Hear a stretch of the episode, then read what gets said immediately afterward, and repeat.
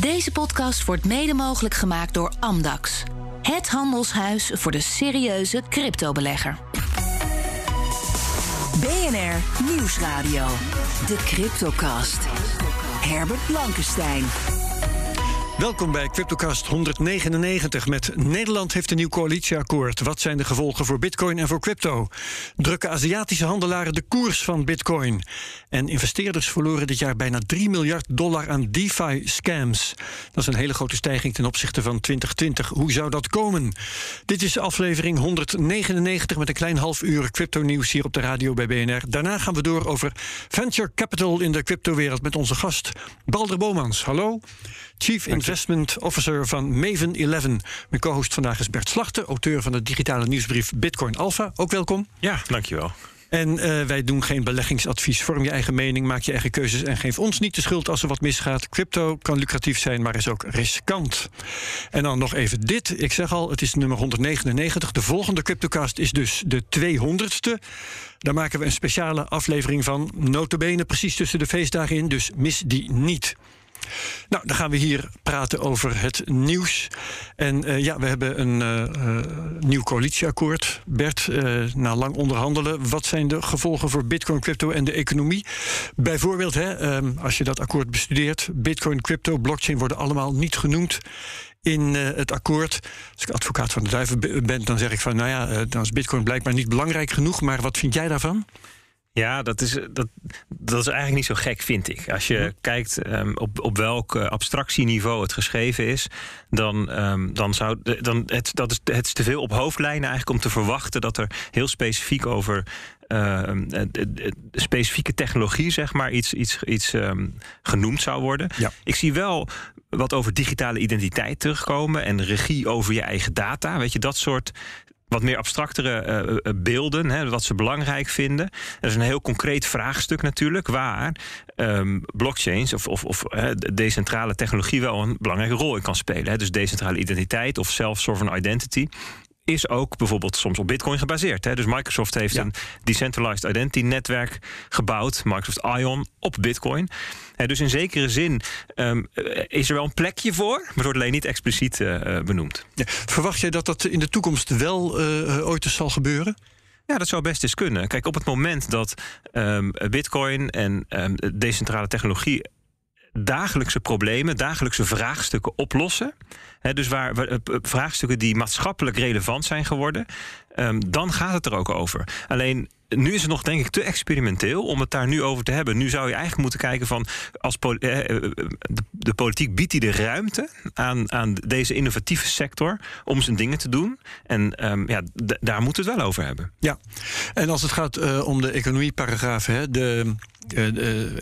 Kwesties als inflatie, rente, um, financiering van van alles en nog wat. zijn er dan dingen waarvan jij zegt die zijn toch wel relevant? Ja, zeker. Um, uh, dus de hele context waarin um, we aan het geld van de toekomst werken, zal ik maar zeggen. Ja. Dat is toch de context, de macro-economische context ook. Hè? Dus waar, waarin centrale banken bezig zijn met digitaal centrale bankgeld. En techbedrijven zijn bezig met digitaal geld. En er is open source geld, zal ik maar zeggen. Hè? Dus ja. de hele crypto-wereld. Um, en dat, dat bevindt zich in een context. En die context is onder andere hoge inflatie, lage uh, rente, grote investeringsprogramma's, energietransitie. Dat is allemaal context waarin het zich afspeelt. Um, Um, ja, dus dat, dat, is, dat, dat is wel relevant, ja. Ja, uh, en dan komen er andere buzzwords wel in het regeerakkoord voor. Inzet van open source, stimulering van innovatie. Um, hoe belangrijk vind jij die voor, uh, voor, voor crypto? Open source, uh, Bitcoin is natuurlijk open source. Um, Ethereum is dat in hoge mate ook, hè? Ja, zeker. Ja, dus um, de Nederlandse kabinetten hebben al een lange historie van het. Um, Um, expliciet stimuleren van innovatie. Bewijzen van ja, oké, okay, innovatie. Ja, dus hele grote budgetten, grote miljarden uh, budgetten zijn er voor, voor innovatie. Bijvoorbeeld de WBSO, hè, de stimulering van speur- en ontwikkelingswerk. Ja. Daaronder valt biotech en nanotechnologie. En, maar hè, software, dus, dus de internettechnologie, de cloud software zo die gebouwd is. Um, dus, dus dat is niet zo gek. En als ze dan nu heel specifiek nog zeggen, innovatie, dus um, um, open source. Het stimuleren van innovatie doen ze zo heel lang, maar open source, dat is op zich opmerkelijk en positief, denk ik. Um, en ik denk dus dat heel veel van wat er in de uh, crypto tech-wereld gebeurt, daar zeker onder valt. Ja, en als het om open source gaat, uh, ik, ik wilde net al zeggen. Uh, Nederland heeft al lange traditie van uh, bewijzen van lippendienst aan open source, zonder er werkelijk Klopt, wat aan ja. te doen. Klopt, ja. ja, ja, ja. ja, er is een periode geweest, geloof ik 2011 of zo, dat, dat alle overheden naar open source software over Ik moesten. geloof dat dat zelfs in het eerste decennium al is gebeurd. Ja, oh ja. Ja. Motie Vendrik, uh, ik dacht dat het 2003 was uit mijn hoofd gezegd. Ik Zo, kan er een paar ja. jaartjes naast zitten. Toen ging iedereen Firefox gebruiken en toen toch maar weer niet. En zo. Ja, precies. Ja. Nou goed, laten we het er maar niet over hebben. Ik wil even weten van Balder. Jij bent venture capitalist in de cryptowereld. Zijn er speciale dingen die jou opvallen, uh, jou goed bevallen of slecht bevallen in uh, het regeerakkoord? Nou, ik denk dat het sowieso heel erg positief is wat uh, Bert al aanstipt. Dat het gaat over data en software identity en dat het, dat soort zaken, uh, software en data naar voren komen. Uh, ik denk dat het extreem positief is. Ook dat open source, waar je, wat je net vernoemen. Ja. Um, tegelijkertijd is het zeker zo dat dit waarschijnlijk te hoog over is. Of te hoog over om, om echt aan de crypto te wijzen. Maar als je natuurlijk internationaal kijkt. Nou, een mooi voorbeeld is denk ik wat er in Amerika gebeurd is een paar maanden geleden. was een infrastructure bill. En die is tegengehouden omdat, er, uh, omdat de crypto heeft gezegd... er moet ook iets over crypto in komen te staan. En dat geeft wel een beetje aan dat crypto in bepaalde landen wel toneel bereikt heeft... om wel impact te hebben op legislation en wetgeving. Dus daar moeten we ook naartoe. Dus in die zin ja. mag je ook wel wat meer van verwachten. Ja, dus jij, jij, jij mist het wel echt als Ik mis het niet, want ik begrijp dat het heel erg hoog Oh, over is. Uh, Ja, ja. Maar ik denk wel dat we daar langzaam naartoe moeten gaan. Dat we dat wel mogen gaan verwachten. Oké, okay, dus je deelt de verwachting van Bert dat het misschien in een volgend regeerakkoord over vier jaar uh, wel zou moeten staan. Vaak al korter, maar anders over vier jaar. ja, het, kan, het kan ook korter, dat weten we. Ja, ja, ja. Oké, okay, helder. Um, uh, in Duitsland heeft de nieuwe regering opgeroepen om toezicht en regelgeving op crypto Europees te doen, uh, Bert. Ja, in Duitsland houdt zich daar dus wel expliciet mee bezig. Nou, ik weet niet of het in hun coalitieakkoord of uh, plan okay. stond. Ja. Maar dit tekst daarvan heb ik ook niet paraat. Nee, maar ik, ik, zou het heel goed vinden als, als dit in Nederland ook um, op deze manier besproken wordt. Um, um, hè, dus we, in Europa wordt nu gewerkt aan de MICAR, dus dat is de regulering van de cryptomarkt. Ja. En ook aan AML-R of AML-D6. Dus dat zou dan een, een, een, een Europees brede wet zijn over anti-witwassen.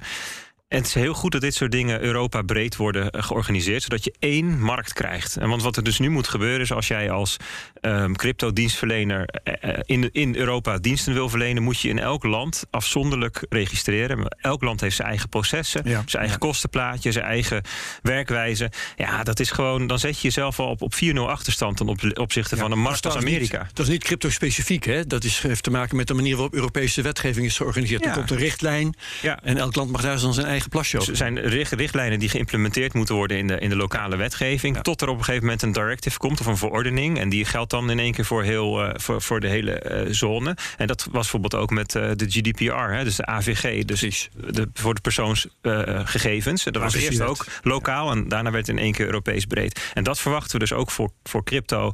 Uh, markt en voor, uh, voor uh, dus zeg maar de, de poortwachtersfunctie van dit soort bedrijven, dat het ook straks in één keer Europees geregeld wordt. En dan. Kijk, dan kun je als Europa ook je verhouden ten opzichte van bijvoorbeeld de Verenigde Staten. Eh, waar, waar, waar is natuurlijk ook vraagstukken op staatniveau, maar dit soort dingen wel steeds meer ook federaal geregeld worden. Ja, Eén uh, ding wat, wat opvalt aan het uh, regeerakkoord in Nederland, dat is dat er opeens geld is voor alles. Uh, ja. waar dat vandaan komt is iets minder duidelijk uh, volgens mij. Nou nee, dat is heel duidelijk. Er wordt gewoon meer uitgegeven dan wat er binnenkomt. Ja, dus oké, okay, dus er wordt geleend of, en of er wordt gedrukt. Nee, gedrukt kan Nederland nee, wordt vanuit voor zichzelf niet doen. Er wordt gewoon geleend. Wordt, vanuit perspectief van onze overheid wordt er geleend. Ja. En um, de kans is aan, aanwezig dat dat dus vanuit de ECB voor een gedeelte opgekocht wordt. Ja. Vanuit de, de vele uh, steunprogramma's. Maar Nederland die leent gewoon bij. En um, ze, ze, ze, verwachten over vier jaar nog steeds rond die 60% staatsschuld te zitten. Dus als, eh, dan, dan doen we het alsnog ongeveer het beste van Europa. Op een paar landen na Denemarken doet wat beter, geloof ik. Maar. Ja. Vanuit de Bitcoin-wereld hoor je dan van, nou, dat is, dat is weer goed voor Bitcoin, want uh, de, de landen maken een puinhoop van hun, uh, van hun huishouding.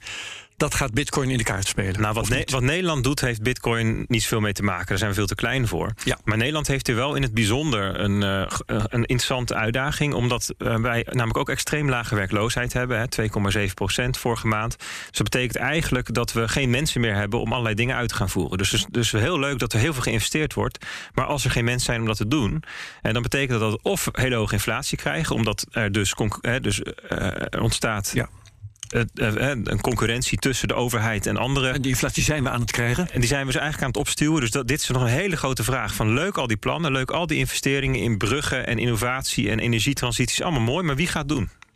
En als je dat niet goed, die vraag niet goed beantwoordt, krijg je dus inflatie. Doordat de vraag te groot is. Ja, ja. Oké, ehm, daar gaan we op, op wachten. Uh, op uh, nou ja, bijvoorbeeld de volgende maand, de volgende cijfers, wat die inflatie betreft.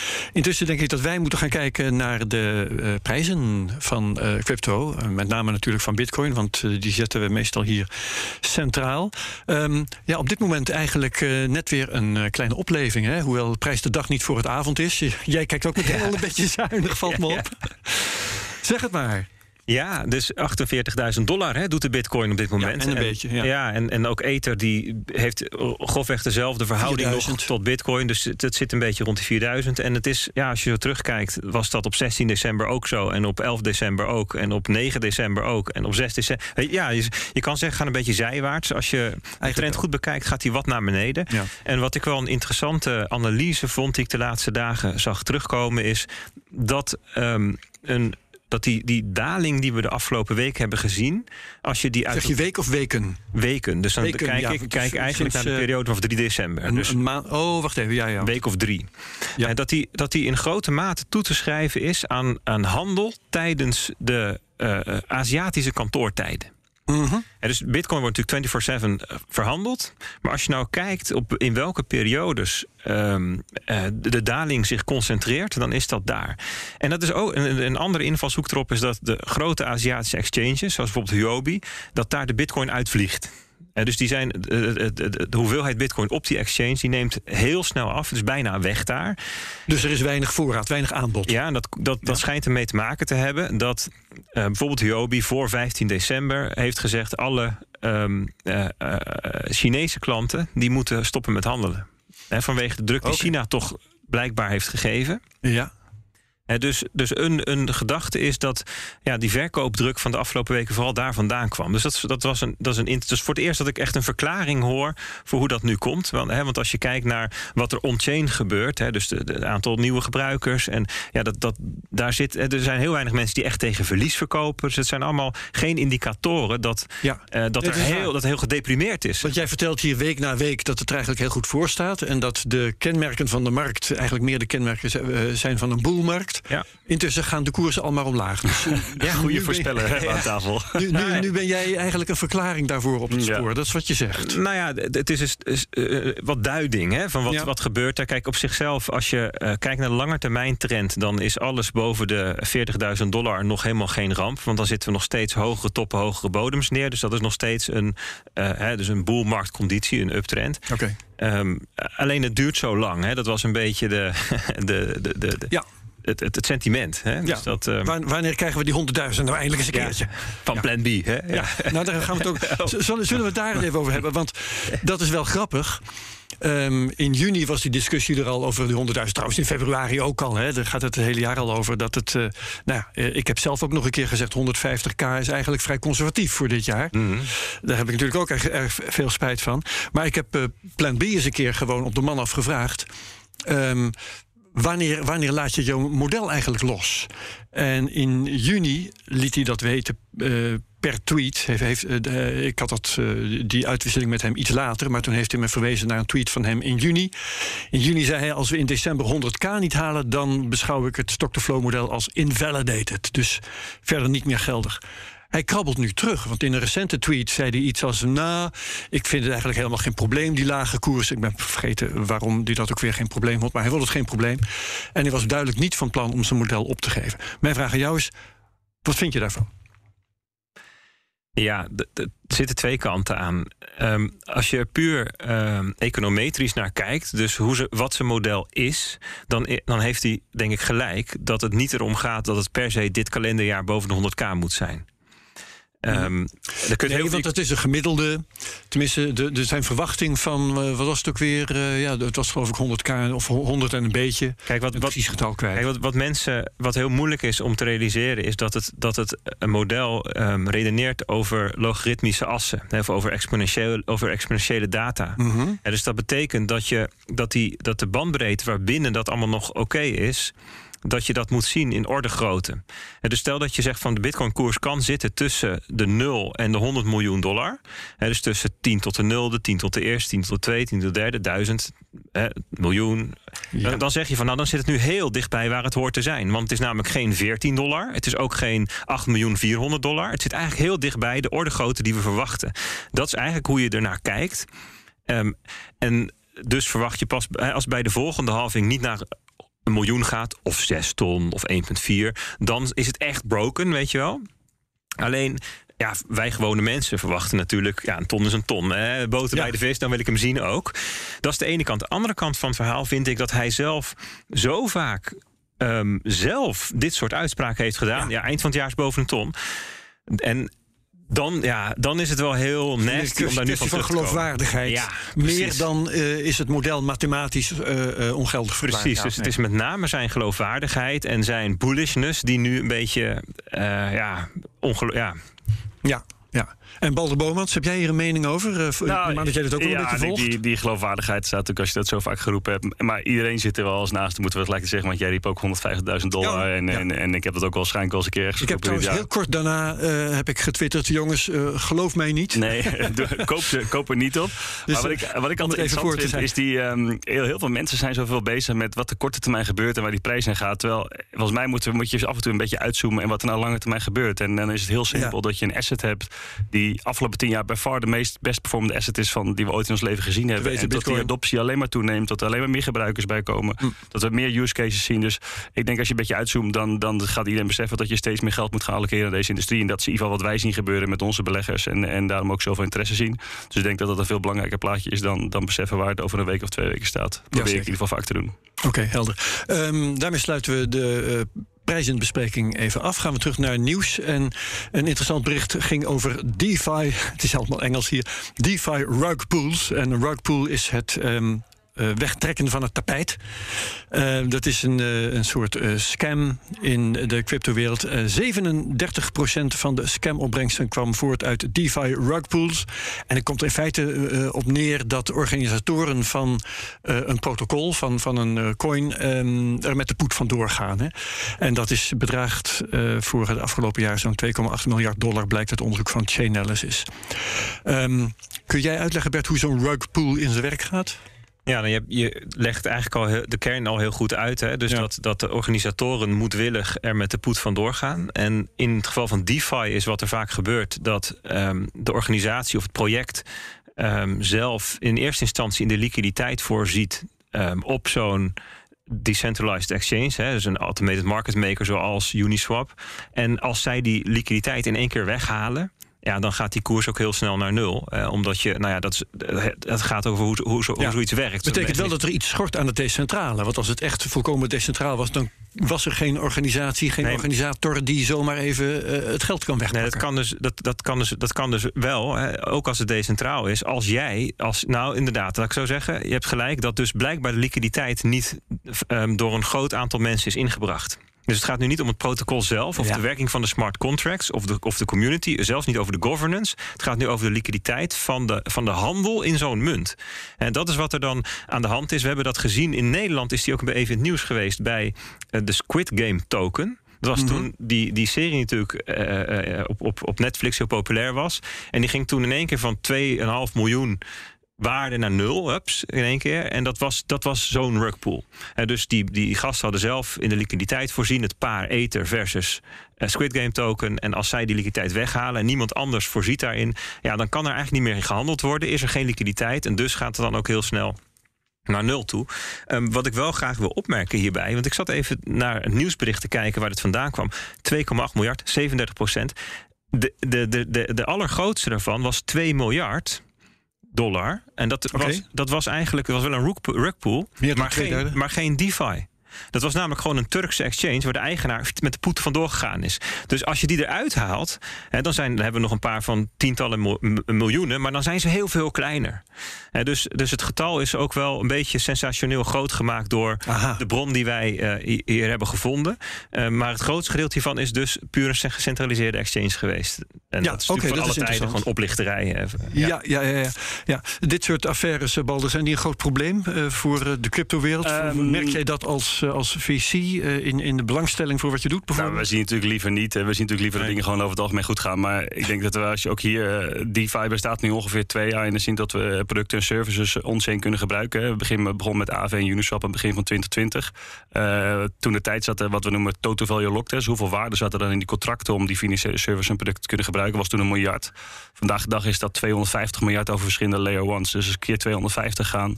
En wij focussen nu op ja, de, de, de 700 miljoen als je die Turks Exchange uittrekt. Wat, wat niet goed gaat, maar mensen misbruik maken van technologie of de onwetendheid van de gebruikers. Ja. Um, ik denk dat je daar heel veel zaken aan kan doen. Hè. Dus, dus wij doen in ieder geval, we steden er heel veel werk en tijd aan.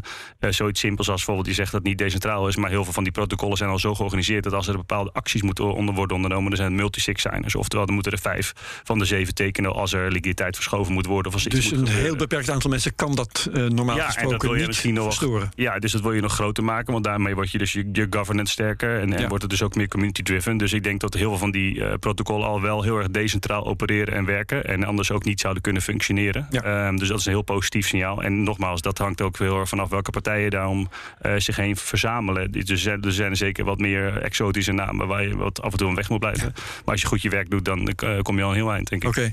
Okay. Um, we gaan even vooruit kijken naar de voortzetting van dit gesprek als podcast. Um, bij Maven 11 hebben jullie pas 105 miljoen opgehaald.